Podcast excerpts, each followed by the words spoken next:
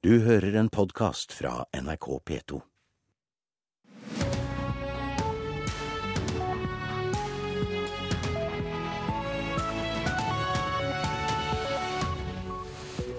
Velkommen til Nyhetsmorgen. Klokka er 6.30. I studio nå Anne Gjertlund Hansen, og dette er våre hovedsaker. Minst fem mennesker har mistet livet i en togulykke i Philadelphia i USA. Minst 50 andre er skadd. Jordraset i Vaksdal stenger fortsatt hovedveien mellom Bergen og Oslo. Ordføreren i Voss satt i første vogn da raset braste ned over jernbanelinjen i går. Nå må det bli ny jernbane og vei på strekningen, krever han. Situasjonen på denne veien og banen er så prekær at en trenger på en måte ikke flere argument for å si at dette skal vi gjøre noe med. Og når eh, filmfestivalen i Cannes åpner i Frankrike i dag, så blir norsk film- og filmbransje mer synlig enn noensinne. Du har jo muligheten til å nå ut til mange millioner mennesker, kanskje milliarder faktisk. Vi skal straks til vår korrespondent i USA og snakke om togulykken i Philadelphia, men aller først starter vi på Bergensbanen. For 22. gang på ti år så ga denne banen i går etter for naturkreftene. Jordraset i Vaksdal sperret toglinjen og stenger fortsatt E16, som er hovedveien mellom Bergen og Oslo. Men de reisende må vente lenge på at veien og jernbanen blir sikret. Det var jo en eh, veldig kraftig oppbremsing, og så smalt det. Og da blir toget dekket av søla. Ingen ble skada, alt det der. Men det er så små marginer ute og går. Ordfører i Voss, Hans Erik Ringkjøb, satt i første vogn da lokaltoget fra Bergen brasa inn i jordmassene som ikke bare dekte jernbaneskinnene, men òg europaveien like ved. Kravet er enkelt, men dyrt. Ny vei og ny bane til 33 milliarder. Situasjonen på denne veien og banen er så prekær at en trenger på en måte ikke flere argument for å si at dette skal vi gjøre noe med. Vi er helt avhengig av den. Ifølge statistikken til Jernbaneverket var det 22. gangen på ti år at Bergensbanen måtte knele for ras eller flaum. Totalt har naturhendinger stengt jernbanenerven mellom Bergen og Oslo i 52 døgn i den samme perioden. Europaveg 16, som går langs jernbaneskinnene, har vært helt stengt 40 ganger de siste 15 åra grunnet ras.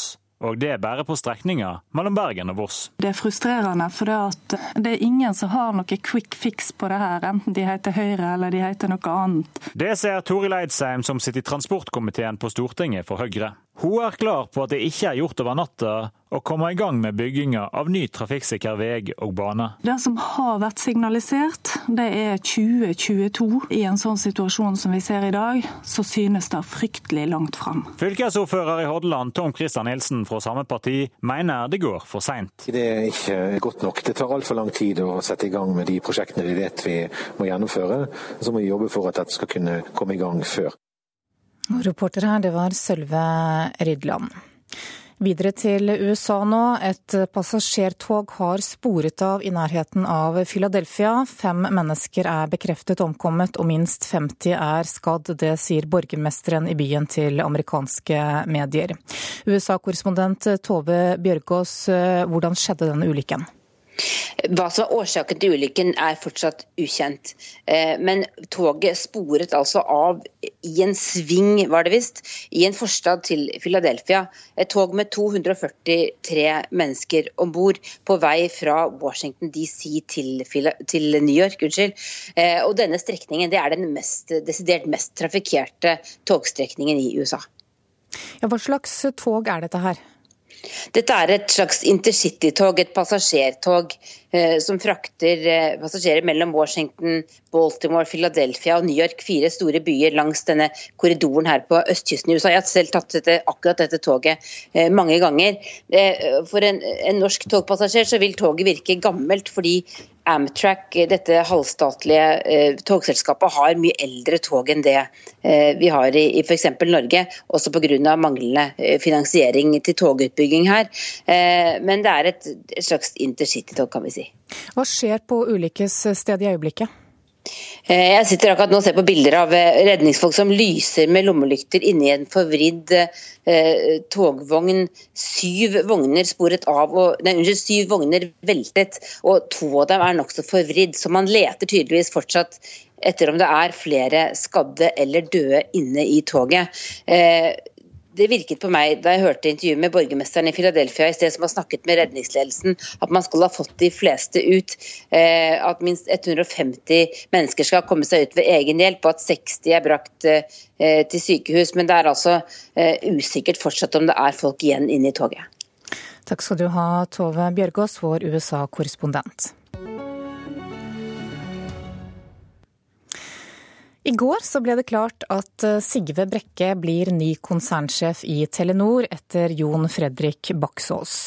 Brekke tar over roret 17.8, og Sigve Brekke, velkommen til Nyhetsmorgen. Takk skal du ha. Du, hvordan har det siste døgnet vært? Nei, Det har vært hektisk, eh, med noe medieoppmerksomhet selvsagt. Men først og fremst så har jeg, har jeg, møtt mange ansatte. Og i går var jeg til og med ute og møtte noen kunder. For jeg måtte i en Telenor-butikk selv for å kjøpe meg et SIM-kort. Og Telenor har altså over 150 millioner, eh, nesten 200 millioner mobilkunder. Hvordan vil de merke at du har blitt eh, ny sjef? Nei, Jeg vil eh, ta videre den plattformen som allerede er lagt.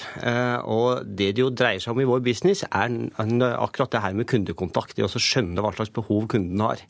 Være seg en kunde i Norge som vi skal bygge supert 4G-nett for, eller være seg en kunde i Myanmar som vi skal både gi mobiltelefon for første gang, men også gi banktjenester og internettjenester osv. Og På pressekonferansen i går så sa du at du var takknemlig for muligheten og ydmyk overfor de utfordringene du nå står overfor. Hva blir de største utfordringene? Nei, Den største utfordringen blir å, å, nå da ta med oss det vi har, altså den kundekontakten til nesten 200 millioner kunder, og også være relevante når det gjelder internettjenester. Eh, og Jeg ser på det som en kjempestor mulighet. Vi skal bygge internettnett, men vi skal også bygge nye typer tjenester. og Jeg nevnte banktjenester, helsetjenester osv. Så, videre. så Så det er det som er min ambisjon å ta Telenor videre på.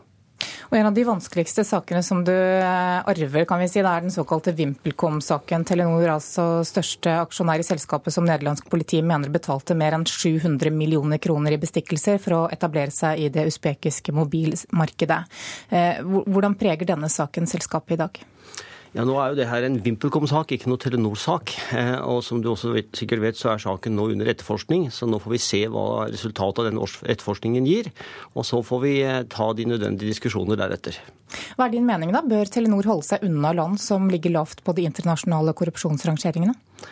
Altså, Telenor har, vi er et norsk selskap med norske verdier. og Det er ekstremt viktig for oss at vi får lov til å operere i henhold til de verdiene. Det var viktig da vi gikk inn i Myanmar, og det er viktig i alle de land vi opererer i. Og Vi vil aldri gå på kompromiss med det. Når det er sagt, så er vi også i en, i en forretning der vi faktisk er med og forandrer eh, samfunnet. Vi gir dem eh, kommunikasjon, vi gir dem internett. Vi, til, eh, altså vi bringer åpenhet inn i disse samfunnet. Sånn at vi også ser at vi faktisk har en rolle for å være med på demokratiutvikling i noen av de her landene som, som da sliter litt med, med sine vanskeligheter. Så det er ikke noe alternativ å holde seg unna? Nei, jeg synes ikke det. Eh, eneste grunn til å gjøre det er hvis vi da må komplementere på de, de eh, viktige verdiene som vi har. Og så langt så har vi heldigvis ikke stått overfor det. For alle som ikke kjenner deg så godt, hvordan vil du beskrive deg selv som person? Jeg er en nysgjerrig person, jeg tror vi bruker det uttrykket. Eh, og jeg tror det er veldig viktig for Telenor framover. At du har en nysgjerrighet til å kunne utfordre litt det som er det etablerte.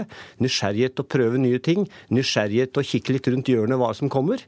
Og så er jeg også en person som, eh, som, har tro på engasjement. Altså Jeg må være sammen med folk, kunder, ansatte. Og jeg har stor tro på det med å bygge kultur og engasjement gjennom eh, fysisk kontakt med, kontakt med menneskene. Er det også det du gleder deg mest til når du nå tar fatt i august? Ja, definitivt. Jeg kommer til å være en som er på bakken og, og møte kunder og ansatte så mye jeg kan. Da sier jeg lykke til, Sigve Brekke. og Takk for at du kom hit til Nyhetsmorgen. Regjeringen vil at staten skal overta skatteinnkrevingen fra kommunene. Men Kemner og Kommuneøkonomers forbund mener at det blir feil. Det ber Kristelig Folkeparti og Venstre sikre flertall for kommunal skatteinnkreving. Og Venstres finanspolitiske talsmann Terje Breivik sier svarene på spørsmålene avgjør. Nei, Vi stiller jo spørsmål til om det er rett å ta ifra kommunene oppgaver rett i forkant av en stor kommunereform. Eh, vi stiller òg spørsmål til om eh, staten virkelig er i stand til å drive dette så mye mer effektivt som reformen forutsetter. Og endelig så stiller vi òg spørsmål til om eh, staten er en bedre skatteinnkrever enn kommunene. Regjeringen foreslår å flytte innkrevingen av skatt fra kommunene til staten, for å stoppe økonomisk kriminalitet og for å spare penger. Vi kan spare 350 millioner kroner årlig på å gjøre dette, og det er altså penger vi kan bruke på bedre velferdsproduksjon, f.eks. i kommunene. Sier finansminister Siv Jensen. Men Norges kemner- og kommuneøkonomers forbund er ikke enige. Leder av fagutvalget for skatt, Lasse Hunsrud, advarer mot å flytte skatteinnkrevingen til staten. Hvis en svekker den effektive innkrevingen, så, så, kommer fellesskapet til å tape store summer. Etter pinse er det klart for forhandlinger om revidert budsjett i Stortinget. Og saken blir også gjenstand for høring, sier leder av finanskomiteen, Hans Olav Syversen i Kristelig Folkeparti. Og Vi har jo merket at det er sterke meninger både for og mot uh, disse forslagene. Så det som er helt sikkert, er at den høringen eh, finanskomiteen skal ha om bl.a. denne saken, blir veldig viktig. Og jeg legger veldig stor vekt på det som framkommer der, før vi skal fatte vår beslutning i vår egen stortingsgruppe. Reporter her, det var Hedvig Bjørgum skal vi se på dagens aviser. Aftenposten skriver at juryordningen blir avviklet. Det skjer etter at Fremskrittspartiet har snudd i saken. Og leder av forsvarergruppen i Advokatforeningen, Frode Sulland, mener dette vil være et stort tap for rettssikkerheten her i landet. VG skriver at den terrorsiktede mannen i Aker Solutions både har vært offiser i Irak og lokalpolitiker i SV. I går ble han varetektsfengslet for fire uker. Vi kan ikke ha det på denne måten, det sier ordføreren i Voss til Bergensavisen etter at det har gått 260 ras på E16 mellom Bergen og Voss siden årtusenskiftet. Som vi hørte litt tidligere i sendingen, så gikk det altså et nytt ras over E16 og jernbanelinjen ved Vaksdal i går. Var dette alt, Siv, spør Dagsavisen på sin forside i dag. Kommentator Arne Strand påpeker at arbeidsløsheten her i Norge ikke har vært så høy på ti år, og han mener finansministerens tiltak i det reviderte budsjettet er som å stoppe en storbrann med en hageslange.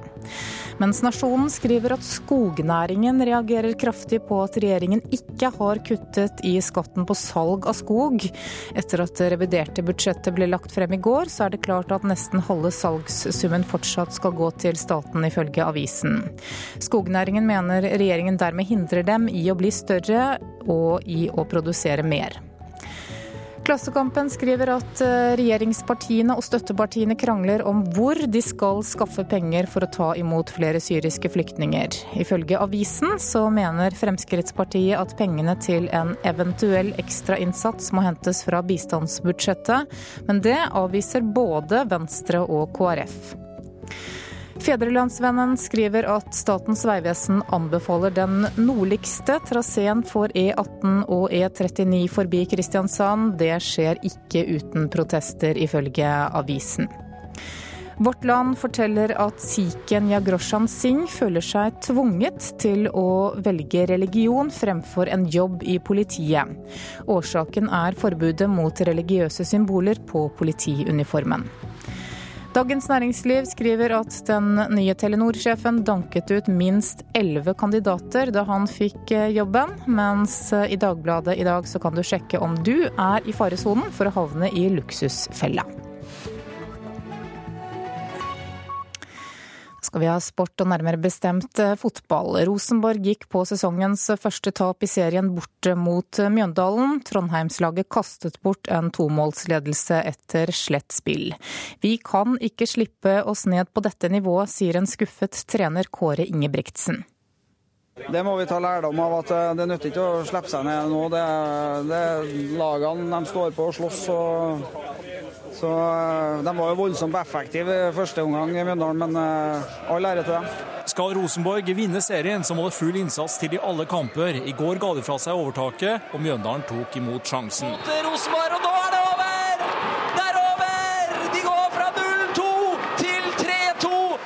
Allerede om tre dager, 16. mai, er det fotballfest i Trondheim mot Sandefjord. Trener på det vanlige, og så skal vi eh, ha touchbegrensning på spillet, så tror jeg vi er i orden på det. Vi fikk oss en eh, lærepenge på hvordan vi skal fortsette å spille fotball, så jeg tror vi skal gå tilbake og gjøre det vi skal gjøre. Rosenborg topper fortsatt serien, men dersom Stabæk vinner i kveld, så står de likt. Om det blir seriegull til Rosenborg eller ikke, er fortsatt altfor tidlig å si. Du flirer vel litt av det, du òg. Det gjør jo jeg òg. Sånn er jo fotball. Det er, ikke så lenge siden eh, Molde sa at eh, vi ikke kom til å ta medalje. Så det, nei da. Så det, det er tidlig fortsatt. Vi, vi kommer tilbake. Reporter var Pål Thomassen. Du hører på Nyhetsmorgen nå. Klokka er passert 6.45. Dette er hovedsakene våre. Minst fem mennesker har mistet livet i en togulykke i Philadelphia i USA. Minst 50 andre er skadd. Eiendomsmeglere sliter med å selge skjærgårdsperler. Folk kjøper i stedet hytte i utlandet til en brøkdel av prisen.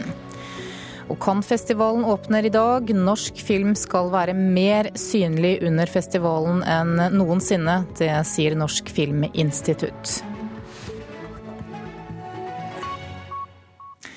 Nå skal vi høre at rådgivningsselskapet Norsk familieøkonomi reagerer på arbeidsløshetsforsikringen til SR Bank. Sjeføkonom Reidar Krohn Pettersen i Norsk familieøkonomi mener banken utnytter situasjonen når den markedsfører sin arbeidsløshetsforsikring, samtidig som tusenvis står i fare for å miste jobben i oljeindustrien. Jeg syns det er ganske påfallende timing, da. Det sier sjeføkonom Reid Krohn Pettersen i Norsk familieøkonomi. Han reagerer på at SR-Bank har sendt e-post til flere av sine kunder med tilbud om arbeidsledighetsforsikring. En forsikring som gir deg noen tusenlapper utbetalt i måneden hvis du skulle miste jobben.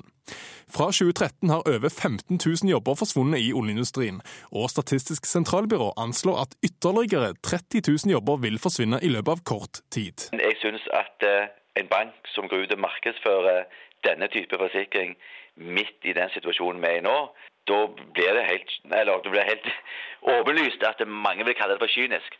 For her utnytter man situasjonen. Informasjonssjef i SR-Bank, Frode Sandal, avviser dette. Vi mener ikke at det, er, at det er en upassende timing å komme med dette tilbudet nå. De kundene som har bruk for dette, de responderer ja.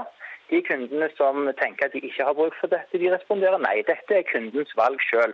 Men eh, vår oppgave det er at de blir kjent med dette og med en rekke andre tilbud.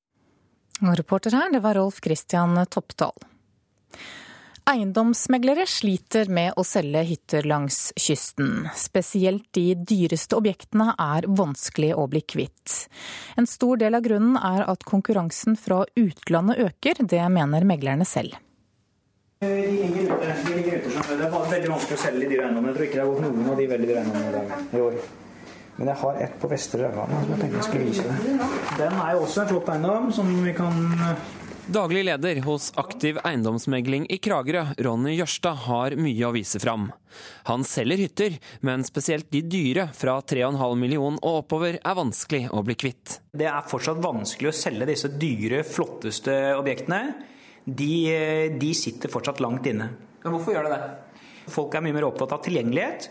Så slik at disse perlene hvor du hadde egne holmer og sånt noe før, det er fortsatt attraktivt, men ikke på langt nær de samme prisene og like attraktivt som det en gang var.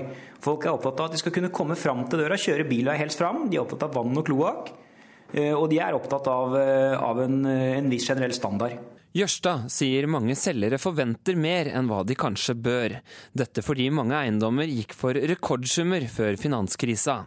En annen viktig årsak til at det er vanskeligere å selge, er konkurransen fra markedet i utlandet. Stor konkurranse fra utlandet. Det er stadig vekk flere nordmenn som kjøper i utlandet. Sånn til sammenligning så ser vi at det er hvis vi ser hvor mange nordmenn i året som kjøper sjønære fritidsboliger, så er det et sted rundt 1300-1400 nordmenn som kjøper sjønære fritidsboliger.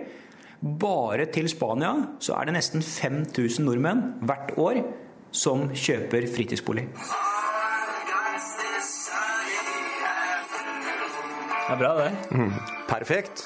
Så har vi noen barstoler på takterrassen. Vi har en takterrasse på over 70 kvadrat. Mari Solgård og mannen Bjørn Erik Veholt drømmer seg tilbake til late dager i sitt ferieparadis. De har kjøpt hytte eller leilighet i Spania. For oss var det ikke noe tema. Eh, her snakker vi om hytter i millionklassen, og det, så lenge du har jobba i staten sånn som, og kommunen sånn som vi har gjort, så er det, det er helt uoppnåelig. Så det er snakk om pris. Og så er det en helt annen sesong.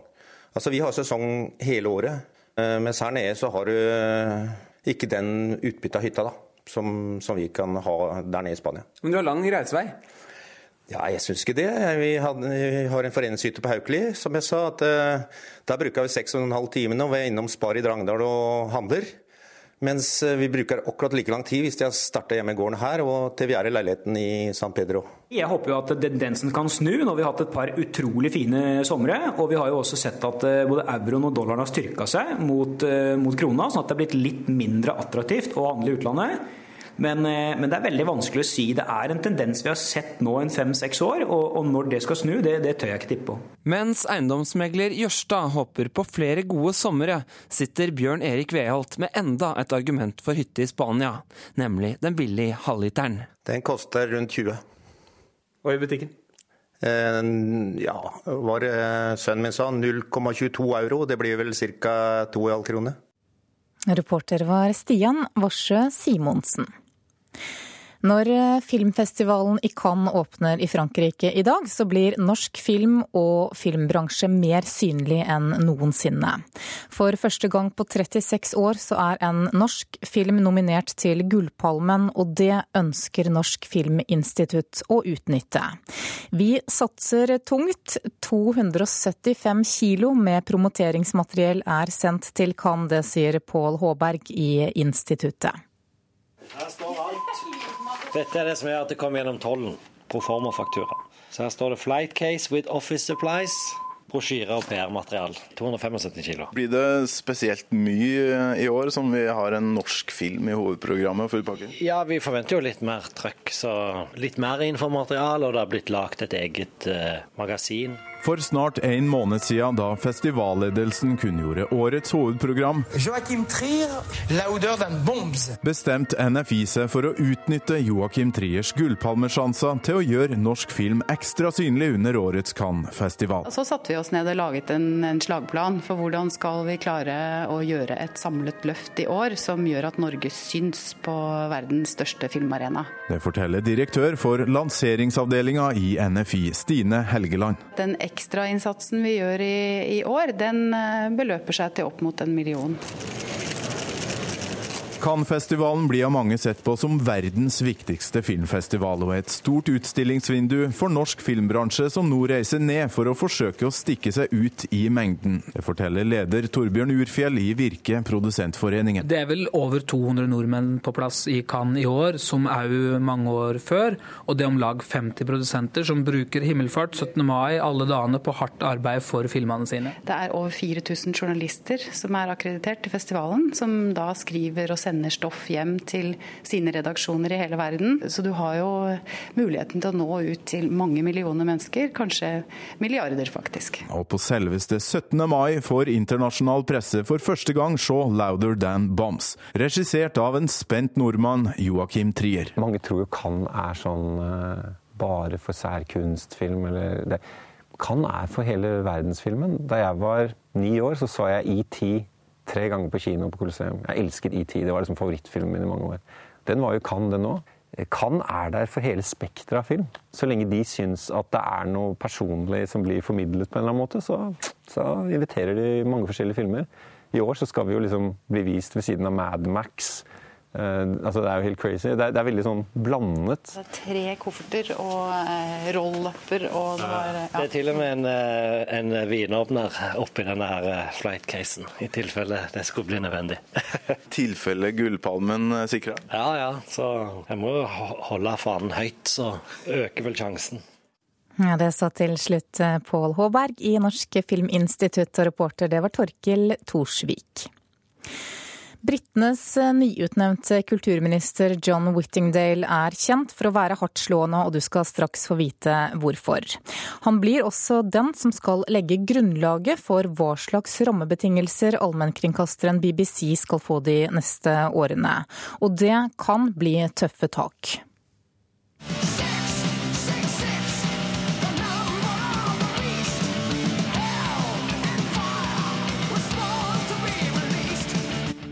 Dette er et av flere band som står høyt i kurs hos Storbritannias nye kultur- og idrettsminister John Whittingdale, nemlig Iron Maiden. Og den nye kulturministeren, som er storforbruker av heavy metal, vil trolig la det støye litt rundt BBC fremover også. Whittingdale er nemlig en svært kjent og høylytt kritiker av kringkastingsgiganten, ikke minst måten den er finansiert på, via TV-lisens. En lisens han har uttalt han er sterkt imot. Som leder av parlamentets kulturkomité tok han for noen måneder siden til orde for å gjøre om modellen til en delvis frivillig abonnementsordning. Uh, term, uh. BBCs nåværende konsesjon utløper i desember neste år. Derfor blir Whittingdale sentral i arbeidet med den fornyelsen og nye krav til BBC. Opposisjonen har kritisert utnevnelsen av ham, og lurer på om regjeringen har planlagt å gå til krig mot BBC når de ansetter en som er så langt til høyre i partiet.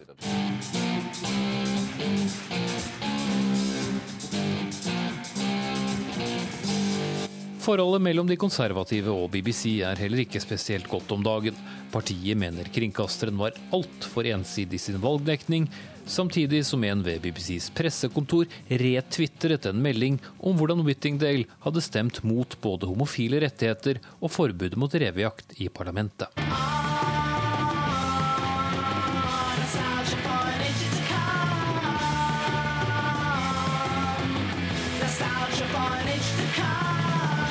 Den nye kulturministeren er altså ikke nødvendigvis en du finner i operaen med et stetteglass i hånden.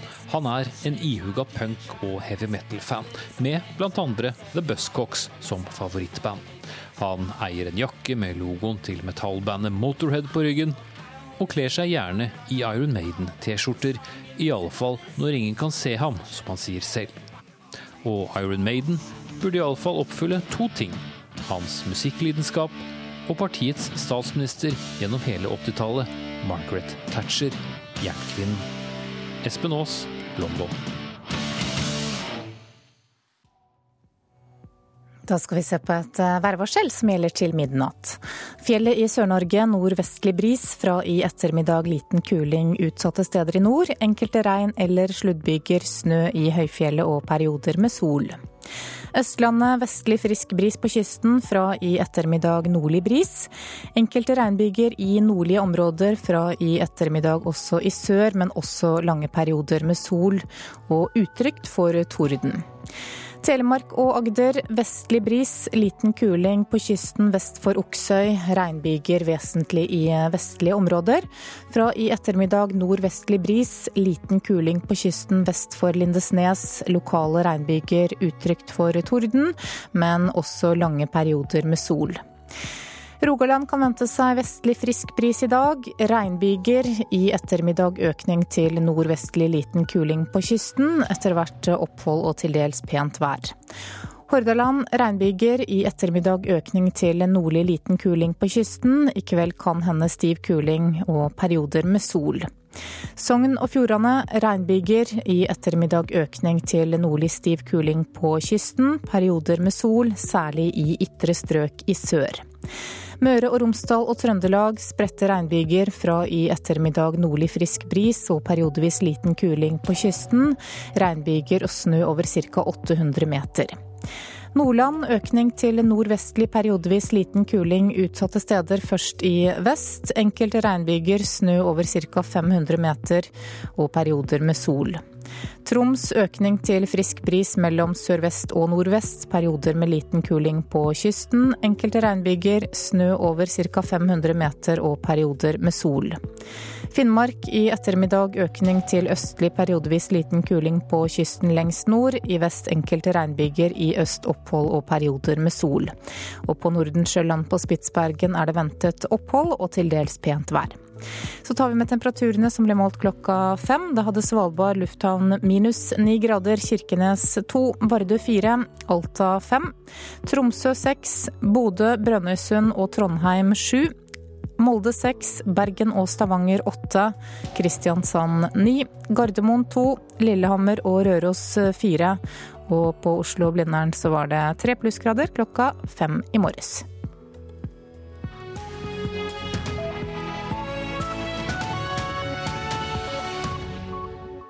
Du hører en podkast fra NRK P2.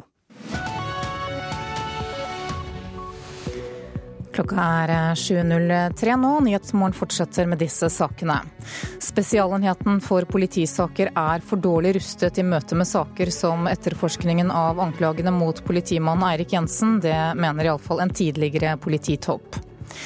Det svenske forbrukerrådet advarer konkurranse løser ikke alle problemene i togtrafikken. Og i Jemen er det innført våpenhvile etter flere uker med bombing og harde kamper. For å etterforske siktelsen mot politimannen Eirik Jensen, så måtte Spesialenheten for politisaker i enkelte perioder øke bemanningen sin med over 50% Nå mener tidligere polititopp Erling Grimstad at vi må se på hvor godt forberedt politiet egentlig er til å takle slike saker. Denne saken eh, er en kime til å se nærmere på om man har organisert seg riktig i, i, Norge i forhold til å også kunne undersøke mistanke om korrupsjon og den type straffesaker mot eh, politi og ansatte i fengselsvesenet og domstolene for den saks skyld, eh, etter modell andre steder i Europa. Han er tidligere assisterende direktør i Økokrim og har mer enn 25 års erfaring med å bekjempe korrupsjon. Da politimannen Eirik Jensen ble pågrepet i februar i fjor, fikk Spesialenheten den største saken de noen gang har hatt på sitt bord. Den korrupsjonssiktede politimannen Eirik Jensen må sitte to nye uker i isolasjon. Spesialenheten har i dag avhørt korrupsjonssiktede Eirik Jensen i flere timer om hans personlige økonomi. I går hørte vi i Dagsnytt at Spesialenheten får 4,3 millioner kroner ekstra i revidert nasjonalbudsjett til etterforskninga. Til sammen er prislappen nå oppe i 22 millioner kroner. Etterforskningsleder Liv Øyen forklarer hva pengene går til. I stor grad så går de til lønnsmidler til personer som er avgitt til Spesialenheten for å jobbe med denne etterforskninga her. I tillegg så er det jo mer ordinære utgifter til husleie, nødvendig IKT-utstyr, overtid og reiseutgifter for ansatte som jobber med saken. Mye av grunnen til de høye utgiftene har altså vært innleie av ekstern arbeidskraft. Det er 35 fast ansatte i Spesialenheten.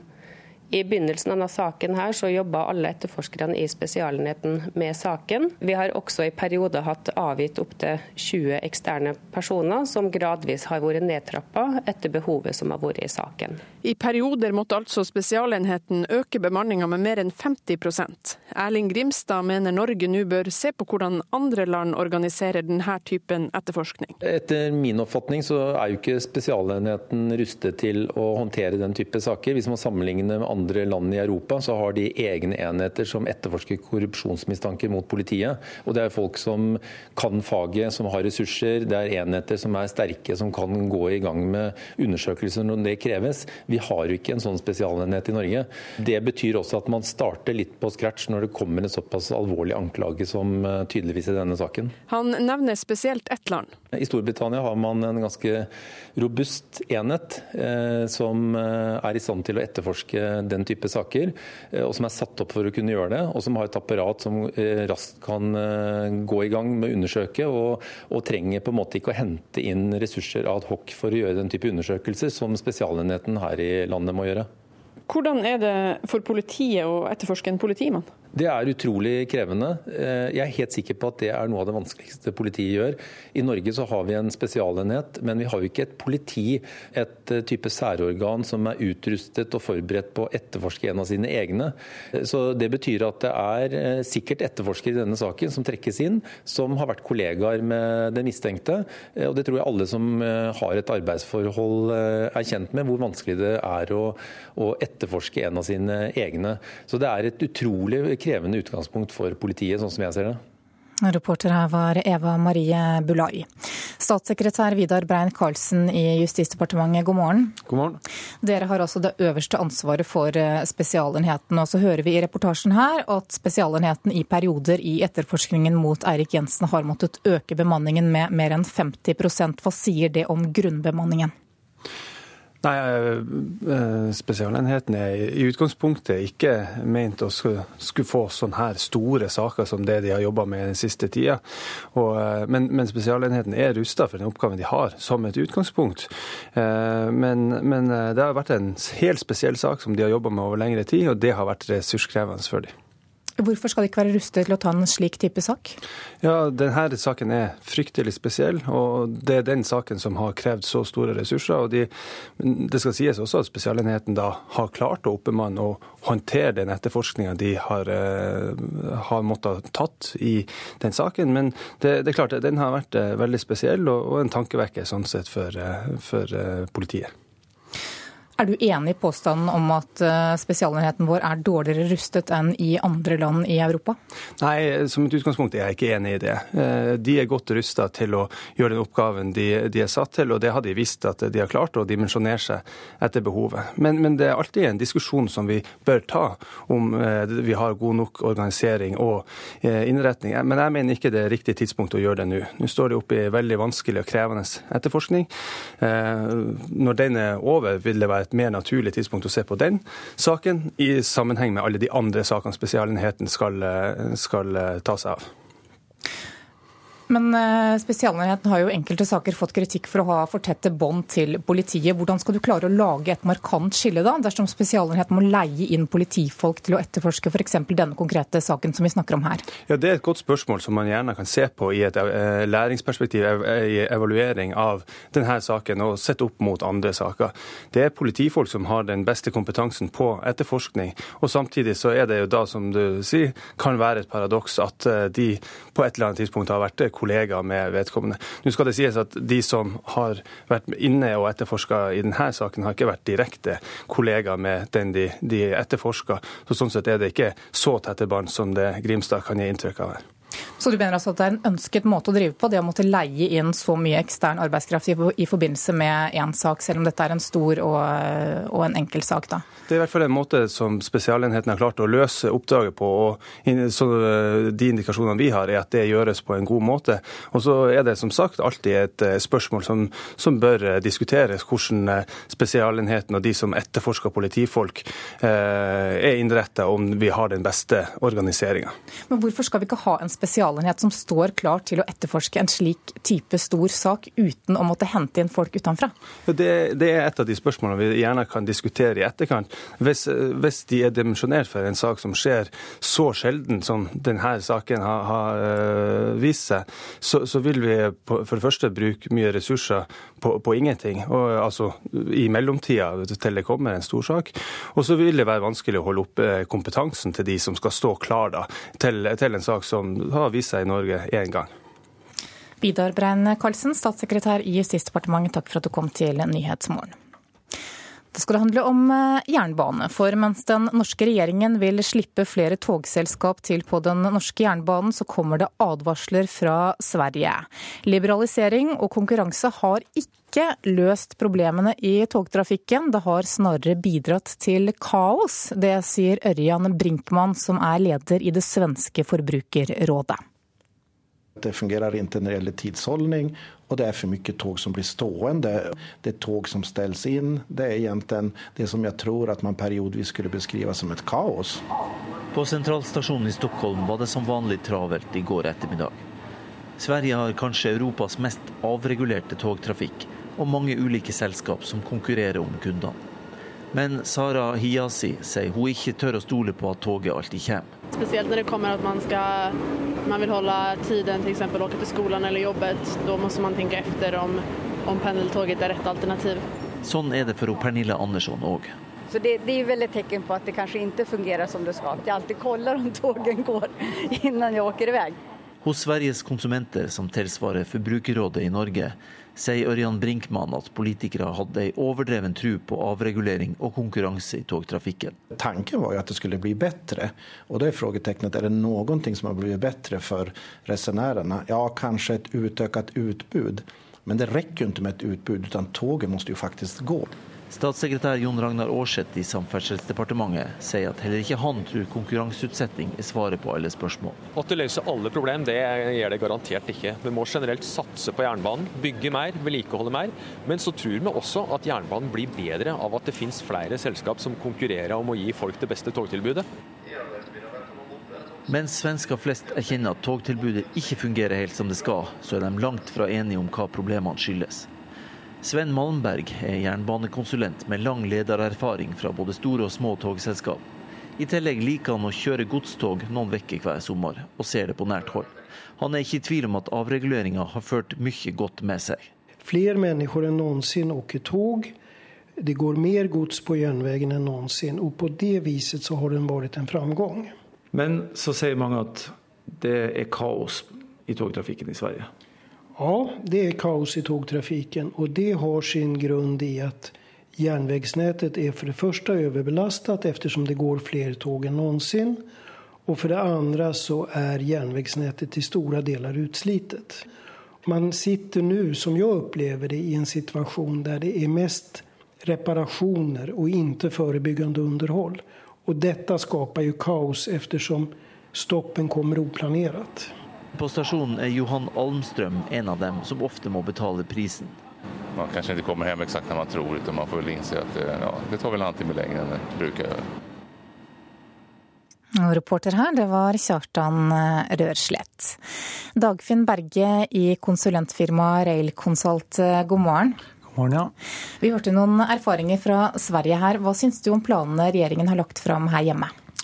Jeg syns det er eh, veldig spennende det som er lagt fram. Det, det rydder litt opp i, eh, i, landskapet. Det gir en, eh, en sterk planenhet som har en litt lang horisont. Og det tror jeg er bra, for dette, er, dette må jobbes med på lang sikt. Og jeg tror også at det rydder opp i, i, forholdene, sånn at det blir mer like konkurransevilkår hvis man også skal slippe til konkurranse på sporet. Ja, Hva er problemet i dag? Nei, Problemet i dag er jo at eh, for det første, som vi hørte fra Sverige, at vi, vi har slitt med et eh, gammelt jernbanenett som eh, trenger veldig mye vedlikehold og, og fornyelse. Det, det, er den ene sida av saken. Det andre er at man bruker veldig mye penger også på kjøp av transporttjenester. Eh, så tror jeg ikke man nødvendigvis vet om man får valuta for alle de pengene man bruker, for man har ingen å måle det imot. Og det er jo en av hovedhensiktene også med å innføre konkurranse. At man får en mer riktig prising av tjenestene, sånn at man får mer tog for pengene. Det tror jeg denne modellen legger opp til. Men som togkunde da, så er jo jeg mest opptatt av at togene er presise. Hvordan vet vi at det kommer til å skje dersom det blir mer konkurranseutsetting? Eh, konkurranseutsetting i seg sjøl gir ikke mer presise tog. Men det som vil være avgjørende da, det blir jo hvordan de kontraktene er utformet. Og, og det tror jeg eh, man har sett erfaringer på. Altså Gjøvikbanen hadde inne incitamenter i kontrakten. Både for å, å skaffe flere kunder og et bedre tilbud.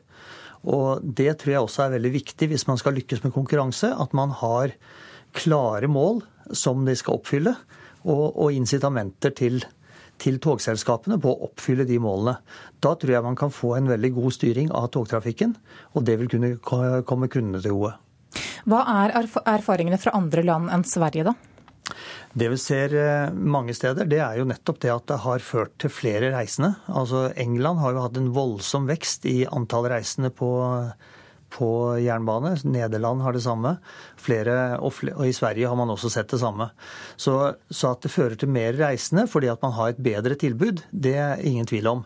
Det har ikke nødvendigvis ført til at det har blitt lavere priser for kundene. Det, det har man vel ikke fått effekten på, sånn som man kanskje trodde. Men det har ført til at eh, staten får mer igjen for de pengene man bruker på jernbane. Er det noe som kan tyde på at privatisering kan fungere annerledes i Norge enn i Sverige, tror du? Eh, det spørs akkurat hvordan man velger å legge det opp. Altså I Sverige har man gått veldig langt eh, egentlig i europeisk sammenheng. Eh, de var tidlig ute. Og i Sverige har man også en regionmodell hvor man kjøper lokalt. Altså fylkene kjøper togtjenester sjøl, så man har mange som kjøper. Her har man ikke valgt den modellen. Man har valgt å, å styre det fortsatt med en stram styring fra, fra et nytt direktorat. Det tror jeg er en riktig modell ut ifra det jernbanenettet vi har. Ehm, og jeg tror også det at ved å, å, tildele da i eh, konkurranse om sporet, som vi sier, altså at man tildeler en strekning for en gitt tid, så vil man også kunne måle og ha ganske god kontroll på det tilbudet som, som gis. Det, det, er en viktig forskjell også på det man har gjort i Sverige. Der har man også åpna for å kjøre parallelt flere selskaper på samme spor. Og da har man ikke den samme kontrollen verken på stoppstruktur eller hvordan tilbudet blir. Så der er det mye mer liberalisert enn det man legger opp til her. Dagfinn Berge, takk for at du kom hit til Nyhetsmorgen. Klokka har passert 7.18 eh, nå. Dette er hovedsakene våre. Spesialenheten for politisaker er for dårlig rustet i møte med saker som f.eks. etterforskningen av anklagene mot politimann Eirik Jensen. Det mener iallfall en tidligere polititopp. Minst fem mennesker har mistet livet i en togulykke i Philadelphia i USA. Minst 50 andre er skadd. Og i Jemen er det innført våpenhvile etter flere uker med bombing og harde kamper. Men først nå så skal det handle om Nepal. Der er nå 65 mennesker bekreftet omkommet og nærmere 2000 skadd etter gårsdagens kraftige jordskjelv. Asia-korrespondent Peter Svaar, hvordan er situasjonen nå? Ja, Dette er en ny natt der eh, befolkningen i Nepal i hovedsak har sovet eh, utendørs. Frykten for svekkede bygninger er enda større nå. Og folk er også veldig traumatiserte og redde etter seriene med skjelv og etterskjelv de siste ukene. Det er ingen som vet hvor mye mer de husene som fortsatt står nå tåler. Så der hverdagen inntil i går forsiktig var på vei tilbake og butikkene hadde åpnet igjen, er folk nå tilbake i en tilværelse av frykt. Og mange av de som hadde flyttet hjem igjen, har nå på nytt trukket ut i gater og parker. Hvor er ødeleggelsene størst? Fra gårsdagens etterskjelv er det et distrikt som heter Dolakka, som skal være hardest rammet, med et, eh, minst et trettitalls omkomne. Og Dolakka ligger i Himalaya på mange tusen meters høyde. Det er sendt eh, redningshelikoptre dit for å få oversikt, men det meldes om hele landsbyer som har rast sammen og at Dolaka er like hardt rammet som Sindu Palchuk ble i det første skjelvet for noen uker siden. Det fryktes at dødstallene her kommer til å stige ganske mye, og problemet i dette området blir å få inn hjelp. Det er så bratt her at selv, om, at selv helikoptrene har vansker med å finne landingsplasser, og veinettet er eh, meget dårlig, samtidig som skredfaren nå er veldig stor. Ja, hvordan går redningsarbeidet da? Den store forskjellen fra forrige gang er at mye av nødhjelpen og feltsykehusene og redningshelikoptrene allerede var på plass i Nepal, og sånn sett kunne de gå i gang umiddelbart. Helikoptre fra både Nepal, India og Kina har nå det siste døgnet jobbet med å evakuere skadde til sykehus, hovedsakelig i Katmandu. Men utfordringen for redningsarbeidet nå er eh, fortsatt eh, også at eh, monsuntiden er på vei, og det er en stor fare for utbrudd av smittsomme sykdommer hvis ikke ikke vann- og sanitærnettet og folks boforhold bedres ganske raskt. Er det også fare for nye skjelv? Det har jo vært eh, flere etterskjelv også etter eh, det største i går. Det var eh, bare i går rundt fem skjelv i Nepal, så det er absolutt en fare for flere skjelv. Og det er jo det som også gjør at folk nå fortsatt er veldig redde. Takk skal du ha, Asia-korrespondent Peter Svår, Svaar. Og vi skal videre til Jemen, for der trådte en våpenhvile i kraft sent i går kveld. Det skjer etter flere uker med bombing og harde kamper. En rekke arabiske land med Saudi-Arabia i spissen har angrepet den sjiamuslimske Houthi-militsen fra luften, og det skjer etter at militsen har tatt kontroll over store deler av Jemen og kastet presidenten ut i eksil. Midtøsten-korrespondent Sigurd Falkenberg Mikkelsen ser våpen våpenhvilen ut til å holde? Det var intens bombing av Jemen, ledet av saudiarabiske bombefly, helt inn til klokken 23 i går kveld. Og Ifølge jemenittiske helsemyndigheter ble 90 mennesker drept og 300 såret i denne siste angrepsbølgen inn mot våpenhvilen. Men etter det har det vært eh, stille. Det har ikke vært flere bombeangrep i natt. Dette kan jo også ha sammenheng med at FNs spesialutsending nå er i byen. Eh, hovedstaden Sanaa er det han bor i. Det meldes også at mesteparten av kampene på bakken har stillet hen i havnebyen Aden. USAs president Barack Obama holder fra i kveld et toppmøte med Gulflandene. Hvordan kan det påvirke situasjonen i Jemen? Denne koalisjonen ledet av Saudi-Arabia får jo passiv støtte av USA. USA hadde ikke mye de skulle ha sagt da krigen begynte, men nå er nå en passiv del av den. Og Gulflandene ser denne krigen som en del av konflikten med Iran. Eh, rett eller galt så mener de at Houthi-militsen støttes eh, av eh, iranerne. Og dette møtet i Washington skulle jo brukes av Obama for å berolige Gulflandene når det gjelder amerikansk politikk i Midtøsten, og særlig da atomavtalen som er på trappene med Iran. Men dette møtet har ikke begynt eh, veldig bra. Oppladningen har vært eh, preget av diplomatiske problemer mellom USA og i første rekke Saudi-Arabia, fordi kong Salman, lederen av Saudi-Arabia, har valgt å ikke komme. og Det samme har også flere av de andre lederne for eh, Gulflandene. Og dette tolkes jo som et uttrykk for misnøye med Barack Obamas Midtøsten-politikk. Takk skal du ha, Midtøsten-korrespondent Sigurd Falkenberg Mikkelsen.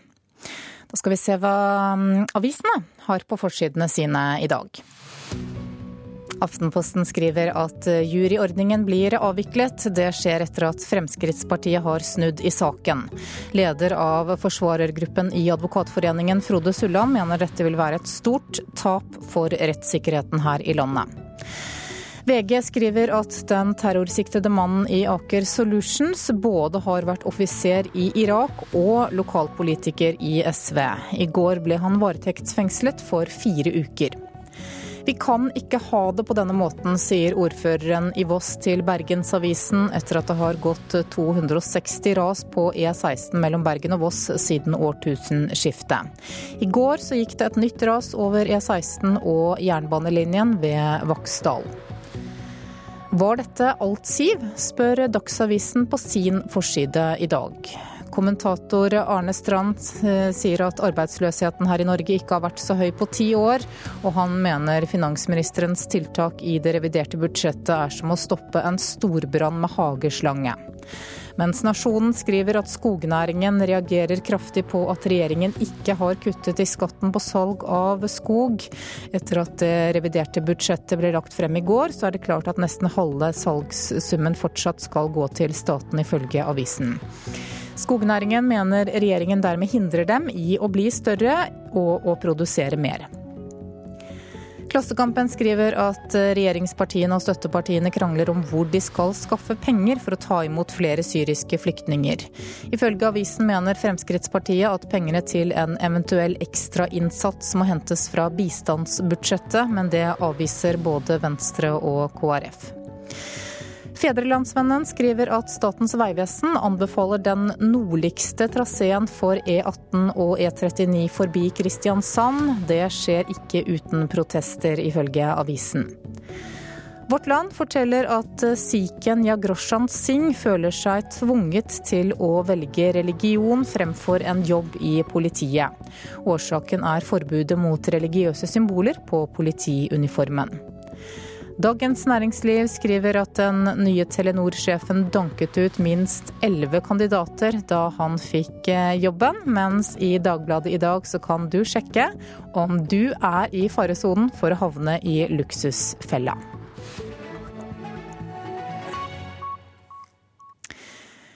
Lukkede merder er en suksess, det viser flere år med forskning på Sør-Helgeland. Anleggene som har vært prøvd ut siden 2012 viser at laksen er lusefri, vokser raskere samtidig som oppdretterne ikke trenger å bruke like mye penger på fôr til fisken. I tillegg til det så kan de også sende laksen til slakting langt tidligere. Daglig leder i Aqua Design, Anders Næss, sier at dette er fremtiden. Næringa vil kunne effektivisere. Eh, de vil kunne effektivisere på produksjon av settefisk og matfisk og slakteriene, og utnytte kapasitetene sine enda bedre. Vi mener det er et veldig viktig bidrag for at næringa skal kunne vokse. Med det miljømessig bærekraftige fokuset man har, så må man komme med nye løsninger. Det er de eldste blant oss som bidrar mest når det gjelder frivillig arbeid her i landet. Nærmere 70% av de over 60 år jobber frivillig på en eller annen måte. Og i Arna i Bergen så stiller pensjonister opp for å hjelpe andre eldre. God morgen. Nei, god morgen. Ja, det er tidlig i dag, men det lurte ikke meg. Ja, det er godt. Hallo. Jan Ytre-Arne er i gang med dagens henterunde. Den tidligere brannmannen har vært pensjonist i ti år, men jobber nå frivillig med å kjøre andre eldre. Skal vi se Sikkerhetsbelte. Ytre-Arne er en av mange eldre som stiller opp for Frivillighetssentralen her i Arna. Han er et typisk eksempel, for det er de eldre som jobber mest frivillig her i landet. De eldre de er opptatt av å bidra i nærmiljøene sine. Det sier Birgitte Brekke, generalsekretær i Frivillighet Norge. En undersøkelse de har fått utført, viser at nærmere 70% av de over 60 bidro med en eller annen form for frivillighet i fjor. De eldre i Norge er nå friske, og mange har en lang pensjonstid. De deltar i alle mulige former for eh, velforeninger, pensjonistforeninger, idrettslag. Det er en enorm verdi for, eh, for, landet vårt. Glemmer man de eldre som en ressurs? Det tror jeg faktisk at vi veldig ofte, ofte gjør. På Samfunnshuset i Arna er bordet dekket med 17. mai-servietter i dag. Jakob Selbakk og Anne Mari Tunestveit er glad for at andre eldre stiller opp, slik at de kan treffes til felles måltid i dag. Hadde de ikke kommet og henta meg, så kunne jeg ikke vært her. Det betyr veldig mye, for jeg har vært enke i 20 år, så jeg sitter mye alene. Og da er det veldig kjekt å komme ut der. Jeg er blitt kjent med mange her ute. Veldig kjekke folk. Alle mennesker trenger mat, og da får du her. Men ikke minst så trenger jeg noen å prate med. Og spesielt etter jeg ble alene. Nå skal vi tilbake til Arnatveit. Da skal vi ha en rullestol. Det gir meg veldig mye, for eh, vi får så mange gode, positive tilbakemeldinger fra de brukerne at eh, det er en fornøyelse å, å gjøre det den tjenesten. Ja, også de unge stiller opp som frivillige. I gjennomsnitt gjør 64% av alle nordmenn en eller annen form for frivillig arbeid, viser tallene fra Frivillighet Norge. Reporter her, det var Siri Løken. Du lytter til Nyhetsmorgen. Produsent i dag det er Kari Bekken Larsen, og her i studio Anne Jetlund Hansen.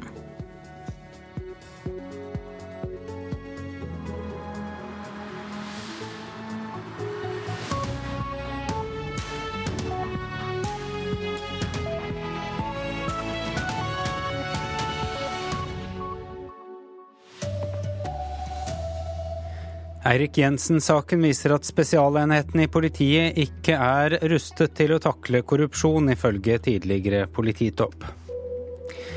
Minst fem mennesker omkom i en togulykke i USA i natt. Og 30 elgitarer spiller Norge i rødt, hvitt og blått i Trondheims 17. mai-tog. Her er NRK Dagsnytt klokka 7.30. Eirik Jensen-saken viser at Spesialenheten for politisaker ikke er godt nok rustet til å takle korrupsjon. Det mener tidligere polititopp Erling Grimstad. Han sier vi må tenke nytt om Spesialenheten. Altså jeg mener kanskje at denne saken eh, er en kime til å se nærmere på om man har organisert seg riktig i, i Norge i forhold til å også kunne undersøke mistanke om korrupsjon og den type straffesaker mot eh, politi og ansatte i fengselsvesenet og domstolene for den saks skyld. Han er tidligere assisterende direktør i Økokrim og har mer enn 25 års erfaring med å bekjempe korrupsjon. I går hørte vi i Dagsnytt at Eirik Jensen-saken er den største saken Spesialenheten for politiet noen gang har hatt på sitt bord. Etterforskningsleder Liv Øyen forteller at de måtte leie inn svært mye ekstra ressurser. Det er 35 fast ansatte i Spesialenheten. I begynnelsen av denne saken her så jobba alle etterforskerne i Spesialenheten med saken. Vi har også i perioder hatt avgitt opptil 20 eksterne personer, som gradvis har vært nedtrappa etter behovet som har vært i saken. Spesialenheten måtte altså på et tidspunkt øke bemanninga med mer enn 50% og mye av utgiftene i Jensen-saken, som nå er oppe i 22 millioner kroner, har gått med til å lønne eksternt engasjerte. Grimstad mener Norge nå bør se på hvordan andre land organiserer denne typen etterforskning. Etter min oppfatning så er jo ikke Spesialenheten rustet til å håndtere den type saker. Hvis man sammenligner med andre land i Europa, så har de egne enheter som etterforsker korrupsjonsmistanker mot politiet. Og det er folk som kan faget, som har ressurser. Det er enheter som er sterke, som kan gå i gang med undersøkelser når det kreves. Vi har jo ikke en sånn spesialenhet i Norge. Det betyr også at man starter litt på scratch når det kommer en såpass alvorlig anklage som eh, tydeligvis i denne saken. Reporter Eva Marie Bulai, men statssekretær Vidar Brein Karlsen i Justisdepartementet mener spesialenheten er riktig bemannet. Spesialenheten er i utgangspunktet ikke ment å skulle få sånne her store saker som det de har jobba med den siste tida. Og, eh, men, men, Spesialenheten er rusta for den oppgaven de har, som et utgangspunkt. Eh, men, men eh, det har vært en helt spesiell sak som de har jobba med over lengre tid, og det har vært ressurskrevende for dem. Hvorfor skal de ikke være rustet til å ta en slik type sak? Ja, Denne saken er fryktelig spesiell, og det er den saken som har krevd så store ressurser. og de, Det skal sies også at Spesialenheten da har klart å oppbemanne og håndtere den etterforskninga de har, uh, har måttet tatt i den saken. Men det, det er klart, den har vært uh, veldig spesiell og, og en tankevekker sånn sett for, uh, for politiet. Intervjuer Anne Jetlund Hansen. I USA har minst fem mennesker omkommet i en togulykke i nærheten av Philadelphia. Flere enn 50 mennesker ble også skadd da toget fra New York til Washington sporet av. USA-korrespondent Tove Bjørgaas, hva mer vet du om det som skjedde i natt? Det er altså eh, syv vogner i dette toget som har veltet. Eh, lokomotivet er blitt skilt fra toget, og den ene vognen er kraftig forvridd, kan vi se på TV-bildene. Så Det har altså vært en alvorlig ulykke, men man vet fortsatt ikke om dette bare er en vanlig avsporing, eller om det er noe annet eh, som har skjedd. FBI avviser imidlertid at det skal være et eh, terrorangrep. Ja, hva, hva kan være årsaken til ulykken eh, her? Det kan jo være en avsporing i en sving, for dette toget kjørte inn i en sving i denne forstaden nord for Philadelphia. Det var altså på vei til New York fra Washington da ulykken skjedde. Eh, det er også avvist at det, har vært noe annet tog involvert, så det er ikke snakk om en kollisjon. Takk skal du ha, Tove Bjørgaas. Mens den norske regjeringen vil slippe flere togselskaper til på den norske jernbanen, kommer det advarsler fra Sverige. Avregulering og konkurranse har ikke løst problemene i togtrafikken der. Det har snarere ført til kaos, sier Ørjan Brinkmann, leder i det svenske forbrukerrådet. Det fungerer ikke når det gjelder tidsholdning, og det er for mye tog som blir stående. Det er tog som stilles inn. Det er egentlig det som jeg tror at man periodvis skulle beskrive som et kaos. På sentralstasjonen i Stockholm var det som vanlig travelt i går ettermiddag. Sverige har kanskje Europas mest avregulerte togtrafikk, og mange ulike selskap som konkurrerer om kundene. Men Sara Hiasi sier hun ikke tør å stole på at toget alltid kommer. Spesielt når det kommer at man, skal, man vil holde tiden, f.eks. åke til skolen eller jobbet. Da må man tenke etter om, om pendeltoget er rett alternativ. Sånn er det for Pernille Andersson òg. Så det, det, er vel et tegn på at det kanskje ikke fungerer som det skal. Jeg alltid sjekker om togene går før jeg åker i vei. Hos Sveriges konsumenter, som tilsvarer Forbrukerrådet i Norge, sier Ørjan Brinkmann at politikere hadde ei overdreven tro på avregulering og konkurranse i togtrafikken. Tanken var jo at det skulle bli bedre, og det er spørsmålet er det noe som har blitt bedre for resenærene. Ja, kanskje et utøkt utbud, men det rekker jo ikke med et utbud, utan toget må jo faktisk gå. Statssekretær Jon Ragnar Aarseth i Samferdselsdepartementet sier at heller ikke han tror konkurranseutsetting er svaret på alle spørsmål. At det løser alle problem, det gjør det garantert ikke. Vi må generelt satse på jernbanen, bygge mer, vedlikeholde mer. Men så tror vi også at jernbanen blir bedre av at det finnes flere selskap som konkurrerer om å gi folk det beste togtilbudet. Reporter Kjartan Røslett. Eiendomsmeglere sliter med å selge hytter langs kysten. Særlig de dyreste eiendommene er vanskelig å bli kvitt. En av årsakene er at flere velger å kjøpe hytte eller leilighet i utlandet i stedet. Regjeringen vil at staten skal overta skatteinnkrevingen fra kommunene. De ber Kristelig Folkeparti og Venstre sikre flertall for um, statlig skatteinnkreving. Venstres finanspolitiske talsmann Terje Breivik sier svarene på spørsmålene avgjør. Nei, Vi stiller jo spørsmål til om det er rett å ta ifra kommunene oppgaver rett i forkant av en stor kommunereform. Eh, vi stiller òg spørsmål til om eh, staten virkelig er i stand til å drive dette så mye mer effektivt som reformen forutsetter. Og endelig så stiller vi òg spørsmål til om eh, staten er en bedre skatteinnkrever enn kommunene. Regjeringen foreslår å flytte innkrevingen av skatt fra kommunene til staten, for å stoppe økonomisk kriminalitet og for å spare penger. Vi kan spare 350 millioner kroner årlig på å gjøre dette, og det er altså penger vi kan bruke på bedre velferdsproduksjon, f.eks. i kommunene. Sier finansminister Siv Jensen. Men Norges kemner- og kommuneøkonomers forbund er ikke enige. Leder av fagutvalget for skatt, Lasse Hunsrud, advarer mot å flytte skatteinnkrevingen til staten. Hvis en svekker den effektive innkrevingen, så, så kommer fellesskapet til å tape store summer.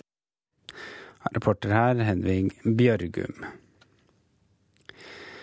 Gitarkorps hører antagelig med til sjeldenhetene 17. mai. Men borgertoget i Trondheim blir etter alle solemerker preget av ett uh, slikt korps. Rockerne på Trøndertun folkehøgskole slår nå tilbake mot poplåter arrangert for korps. Alt er nok ikke helt som lydbildet kan gi inntrykk av. Her står tamburmajoren på ei hestevogn. Vogna er fylt til randen med forsterkere, høyttalere, et strømaggregat og en mikser. På 17. Eh, mai i borgertoget tar jeg på meg en lilla flosshatt og lilla slips og dress, selvfølgelig. Og så skal jeg stå kanskje med en eh, gitarhals eh, i neven. Sier den debuterende tambumajor Tommy Tverdal. Så nå har vi hørt på masse korps som har spilt popmusikk, så nå tenker vi å gjøre det motsatte. da.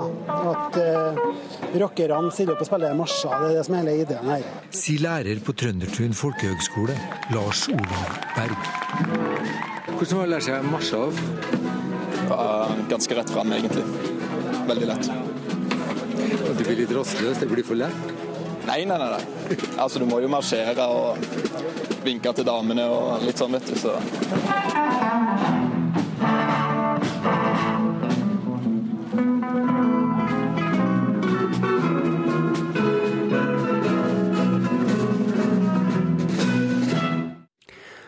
Reporter her var Lars Erik Skjærseth. Vi hørte altså Norge i rødt, hvitt og blått for gitarkorps helt på slutten. Denne sendingen er slutt. Ansvarlig for Dagsnytt i dag, Elin Pettersen. Teknisk ansvarlig, Beate Haugtrø. Her i studio, Arild Svalbjørg.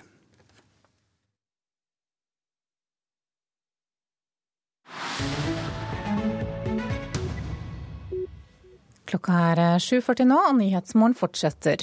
Etiopiske jøder i Israel har i det siste demonstrert mot at de ikke blir ansett som ordentlige jøder, og at de er utsatt for rasisme. De svarte jødenes historie begynner allerede i første kongebok, og utenriksmedarbeider Tom Christiansen har lett etter dem i Etiopia. Langt ute på den etiopiske landsbygda, fjernt fra andre enn falasha-jøder, synger han om sin drøm en gang å se Jerusalem. Men dit er det langt, og det går ingen vei. Helt avsides, med eget språk, egen religion og egne tradisjoner, der bor falashaene. Ingen visste om dem, de var glemt i tusen år. Det jødiske verdenssamfunn visste at jøder hadde hatt makten der på 1200-tallet, men var de der fortsatt? Og hvordan i all verden havnet de der? Det fins flere forklaringer. Myte nummer én. De er etterkommere av israelittene. Noen må ha gått seg vill under utvandringen fra Egypt da Moses mistet oversikten. De endte opp i fjellene, og der har de blitt boende. Myte nummer to.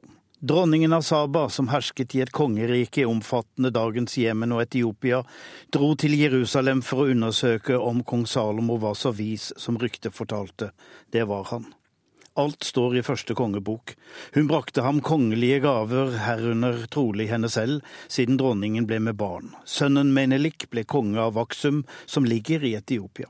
I voksen alder hadde han reist tilbake til Jerusalem, fått militær opplæring av sin far, som sendte ham hjem med 1000 soldater.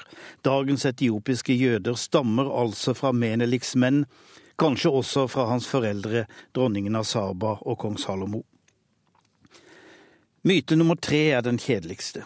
De er helt alminnelige etiopere som en gang tok opp i seg de jødiske tradisjoner og den jødiske tro. Genetikkforskerne sier så.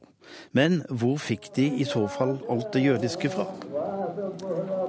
En skotte som lette etter Nilens kilder, kunne fortelle om et underlig folkeferd som holdt sabbaten hellig, og som var omskåret, som hadde sinnrike matforskrifter og holdt jødiske helligdager. Ordene de brukte, ble undersøkt. Falasjana hadde hebraisklignende ord i sitt liturgiske språk. Forskere spurte seg, de kan vel ikke stamme fra kong Menelik den første? Lever de? Etter 100 års undring ble saken om de etiopiske jødene religionspolitikk. Kunne de kalles jøder? Først på 70-tallet konkluderte de jo, de beksvarte etioperne er jøder. Men da hører de vel hjemme i Israel, spurte israelerne, og det var det de gjorde. Så kom tørken i katastrofeåret 1984. Bob Geldof samlet inn penger, og jødene rømte over grensa til Sudan. De holdt på å dø. Da snudde Israel. Midt på natten 21. november 1984 landet det første israelske flyet i Khartoum, Operasjon Moses. De utslitte flyktningene stavret seg opp flytrappa. Luftbroa varte til januar året etter og løftet 8000 etiopiske flyktninger til Israel. Så sto de i Tel Aviv, med en 2000 år lang drøm i oppfyllelse. De var de fattigste i Etiopia. Nå ble falasjaene de fattigste i Israel. De kunne ikke lese, de var ikke vant til et selvstendig liv, de ante ikke hva de fant i butikken. Skulle det spises, var det såpe, doruller? Hvordan bruker man et toalett? Noen av dem lyktes, særlig Yichi Aina. I 2013 ble hun kåret til Miss Israel. Men resten av dem, de fant den faste plassen for svarte analfabeter nederst. Det sa Tom Christiansen. Klokka har passert 7.44. Dette er hovedsaker i Nyhetsmorgen. Saken mot en korrupsjonssiktede politimann viser at spesialenheten i politiet ikke er godt nok rustet til å takle korrupsjon, ifølge en tidligere polititopp. Minst fem mennesker er omkommet i en togulykke i USA i natt. Og det svenske forbrukerrådet advarer konkurranse løser ikke alle problemene i togtrafikken. Klokka nærmer seg 7.45. Det betyr at du skal få Politisk kvarter, og programleder i dag det er Bjørn Myklebust.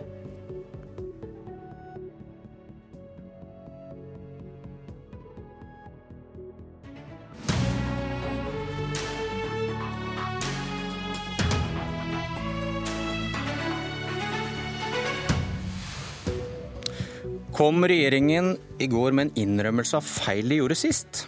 Eller gjorde de som sist, kom med de riktige løsningene for fremtiden? Erna Solberg, Jonas Gahr Støre, god morgen og velkommen til Politisk kvarter. Takk. Vi skal snakke om gårsdagen og om noe som er enda vanskeligere fremtiden.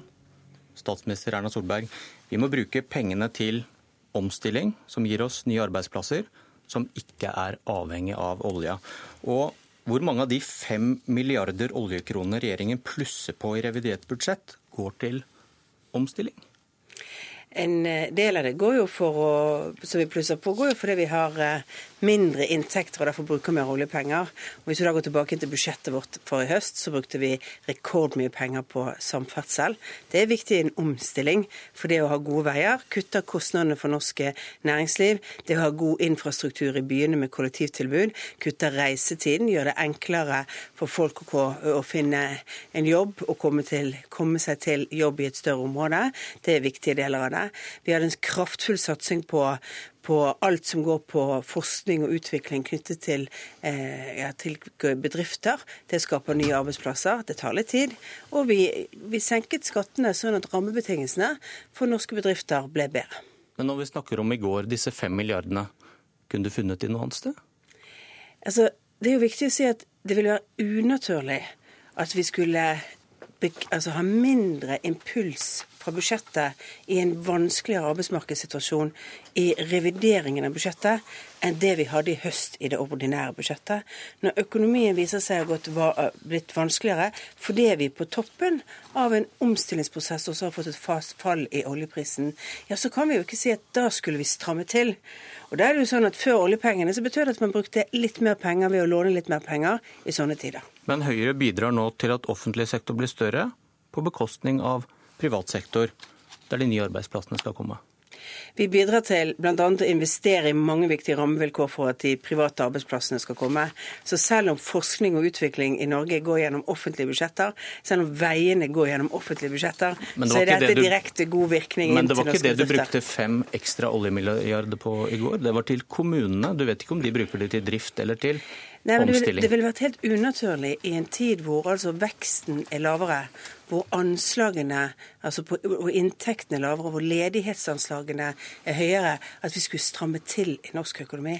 Det har aldri vært vår politikk. Selvfølgelig driver vi også eh, en politikk som bidrar til på kort sikt å holde aktiviteten oppe, sånn at ikke flere blir arbeidsledige. Når Jeg ga deg muligheten i stad. Har du noen alternativer til å bruke et ord dere sjelden bruker, og det er kutt? Dere kunne omprioritert. Dere kunne kuttet et annet sted for å finne penger til gode formål. Jo da, og vi kutter og vi gjør endringer i budsjettene, men noen av kuttene viser seg å være veldig upopulære når vi foreslår dem. Dere kutter ikke budsjettene, for de har økt hver gang dere har hatt eh, muligheten. Ja, men nå, vi har jo en økonomi som kommer til å vokse, og budsjettene kommer til å vokse hver eneste gang i årene fremover. Norge er en befolkning som vokser. Det ville være utrolig naivt å tro at et land som vokser, hvor flere barn skal gå i skolen, hvor flere eldre trenger omsorg, at ikke budsjettene, også de offentlige budsjettene, kommer til å vokse. Dette var jeg ganske tydelig på i valgkampen før valget i 2013, så det bør ikke være en bombe for noen at vi tror at budsjettene kommer til å vokse. Det som er viktig, er at vi får til vekst i andre deler av næringene samtidig.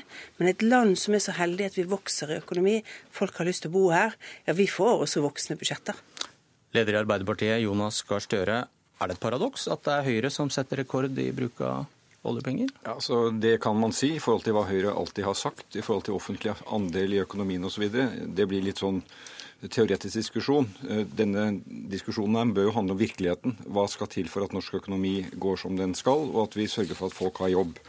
Og jeg mener at dette budsjettet er for meg et uttrykk for at regjeringen kommer på etterskudd. Vi blir jo invitert nå til å snakke om det budsjettet som ble vedtatt i fjor. Hvor godt tilpasset var det? Og jeg vil si to hovedinnvendinger ser vi nå tre fram. Det ene er at det ikke ble tatt offensive grep mot en ledighet vi så komme i det budsjettet som ble vedtatt. Man var defensiv på tiltaksplasser, defensiv på dette permitteringsregelverket som partene i arbeidslivet har bedt om, og det var kutt i viktige virkemidler for et næringsliv i omstilling. Nå ser vi effekten. Nå kommer regjeringen etter på en del punkter. Det er bra, det kommer vi til å være for. De, er... hun, hun, gir deg rett, er det det du sier? Nei, altså ikke, det er ikke meg dette handler om. men altså, Nå er ledigheten over 4% for første gang på ti år.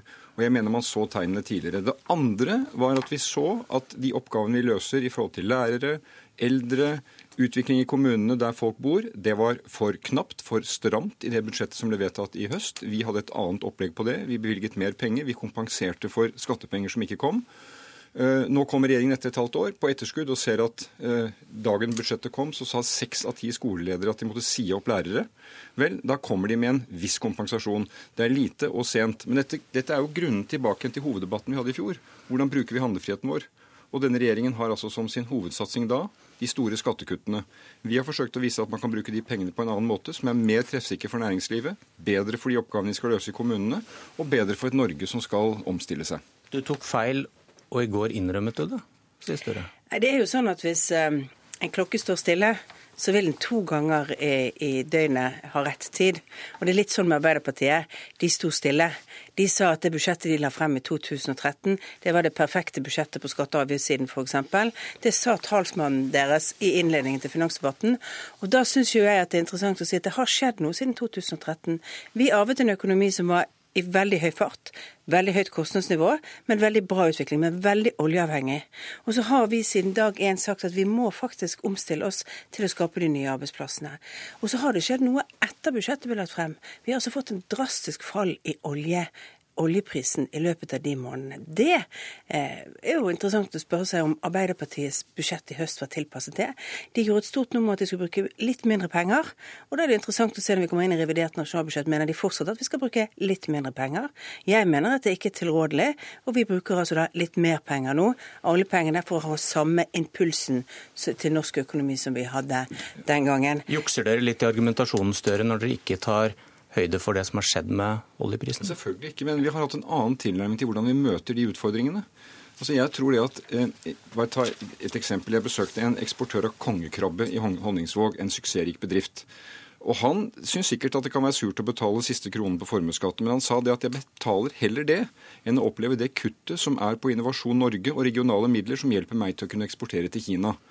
Anekdotisk bevis. Jo, men, den, men liksom, dette, Statsministeren eh, pleier å være flink til å fortelle om ting hun møter når hun reiser rundt om i landet. Og jeg, og jeg sier bare at eh, den store store satsingen på disse kuttene i skattene som skal være stimulerende Vi har spurt Finansdepartementet virker disse kuttene i formuesskattene til å skape mer aktivitet, mer investeringer. Vi får veldig uklare til helt Eh, negative svar. Og vi mener vi kunne brukt de pengene annerledes på omstilling. Det er jo ikke riktig at vi står stille i 2013. Vi tar en lang rekke tiltak.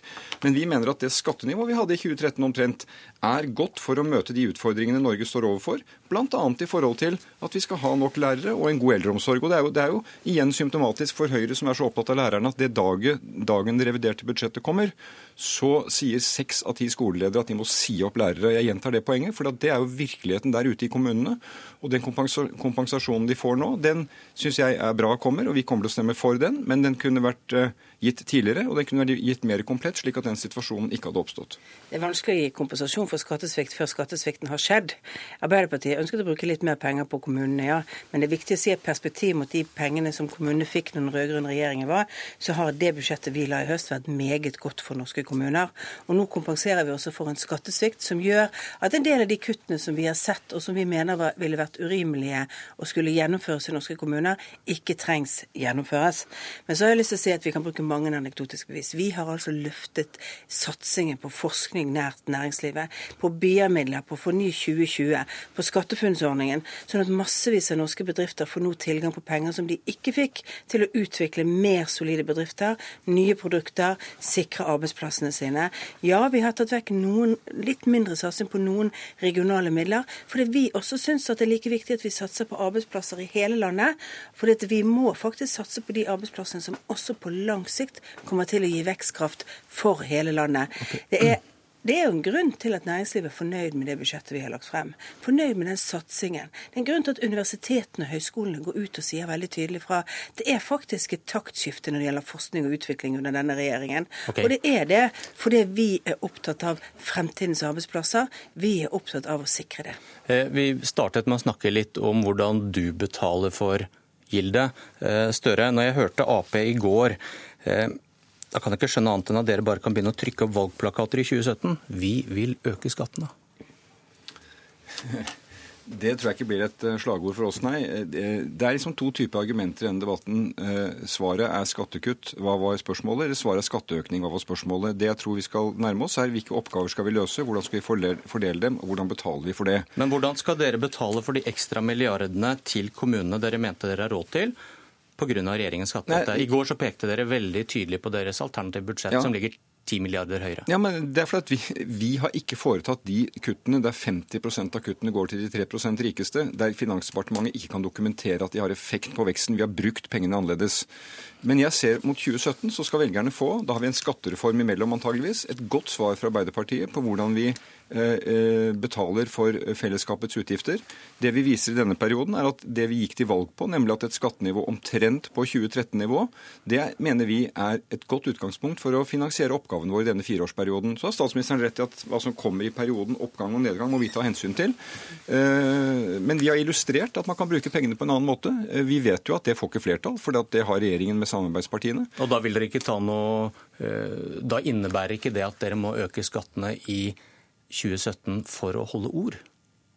Men vi holder jo, Når dere lover penger holder... til kommunene nå, og så skal dere bare absorbere skattelettene ja, som kommer og stå på et nytt gulv i 2017? Vi har lagt et alternativt budsjett for 2015 som vi er i nå. Det kunne vi regjert på fra dag én hvis det skulle vært nødvendig. Eh, så får vi se hva regjeringen kommer med for 2016. Og så skal vi legge frem et alternativt budsjett som i Arbeiderpartiets tradisjon er troverdig og ansvarlig. Men det du sier nå, det hefter ikke ved det dere bestemmer dere for i 2017? Nei, det gjør egentlig ikke det. Altså, jeg, mener at eh, Det er litt som hvis du, hvis du, overtar et hus, og så river du en vegg, og så anklager du andre for å ville bygge opp igjen den veggen. Altså, Hva trenger vi for å holde øh, løse de oppgavene vi skal gjøre øh, i Norge? Og vi har illustrert at istedenfor å kutte skattene på den måten regjeringen gjør, så kan vi bruke de pengene på en annen måte. Og jeg mener jo at La oss veksle penger om til hva det handler om. Ønsker vi en utvikling hvor vi må si opp lærere, ha færre kvalifiserte folk i eldreomsorgen, satse mindre på næringsutvikling, støtte til miljøteknologi? Eh, og, og vårt svar er at vi kan gjøre det på en annen måte, mer treffsikkert. Jeg tror du har lyst til å si noe om dette, Solberg. For det første satser vi mye mer, både faktisk på skole og på omstillingen og på eh, alle disse næringsrettede Men ta finansieringspoenget til Arbeiderpartiet. Jeg, jeg, jeg synes det viktigste er at første delen så brukte Jonas Gahr Støre nå sitt eget alternative statsbudsjett som sannhetsvitne for at de ville fått gjort mye mer. Når han da blir spurt om den inntektssiden de har i sitt eget alternative statsbudsjett, så gjelder ikke det lenger. Da er ikke det klart. Da er ikke det noe tydelig svar å gjøre fra Arbeiderpartiet. Jo, men da betyr det 10 milliarder i økte skatter. Da betyr det ikke bare at det er de som betaler formuesskatt som skal betale mer. Da skal pensjonistene betale mer. Da skal vanlige folk betale mer med Arbeiderpartiet. Der burde man vært så ærlig at hvis du skal skryte av at du hadde mer penger på utgiftskapitlet, så må du også fortelle at du sendte regningen til helt vanlige familier med høyere skatter og til pensjonister med høyere skatter. Vanlige det... mennesker har fått no, no, to-tre kroner i lettelse per dag. De med mest har fått flere titusen. Men du ville altså økt skattene for folk med vanlige inntekter, og du ville økt skattene for pensjonistene i Norge, og du ville økt eh, beskatningen av eierskap i norske bedrifter i en tid hvor vi har omstilling. Det, det gikk ganske tro... bra i Norge i 2013, da jo, vi hadde det nivået, Erna Solberg. Det, det gikk veldig bra. Og hvorfor gikk det bra? Fordi vi var, hadde en stor aktivitet i oljesektoren. Det var hovedgrunnen til at det gikk bra. Og det at Arbeiderpartiet sin økonomiske politikk ikke tar inn over seg omstillingsbehovet, at de ikke tar inn over seg det faktumet at vi har et lavere aktivitetsnivå på investeringer, og vi har fått et oljeprisfall etter at vi la frem budsjettet, det syns jeg er ganske avslørende i denne debatten. Arbeiderpartiet har ikke en alternativ politikk for omstillingen. De har bare en alternativ politikk for å fortsette med det de gjorde i den rød-grønne regjeringen. Det... er ikke verden rundt oss. Er det ikke mulig å få til i den verden vi står oppe i. Ofte hører jeg Jonas Gahr Støre si omstilling, men jeg hører aldri han fortelle hvordan han skal få til den omstillingen. Større. Vi gjør det hver dag i regjering. Den omstillingen du gjennomfører, mener jeg er lite treffsikker. Tallene tyder på det. Vi har i det vårt budsjett en lang rekke eh, illustrasjoner på støtte til gründere, omstilling i bedriftene, utvikling i, i, i regionene hvor verdiskapningen skjer. Det er bare å gå inn og lese. Jeg skjønner at du ikke ønsker å bruke tid på det.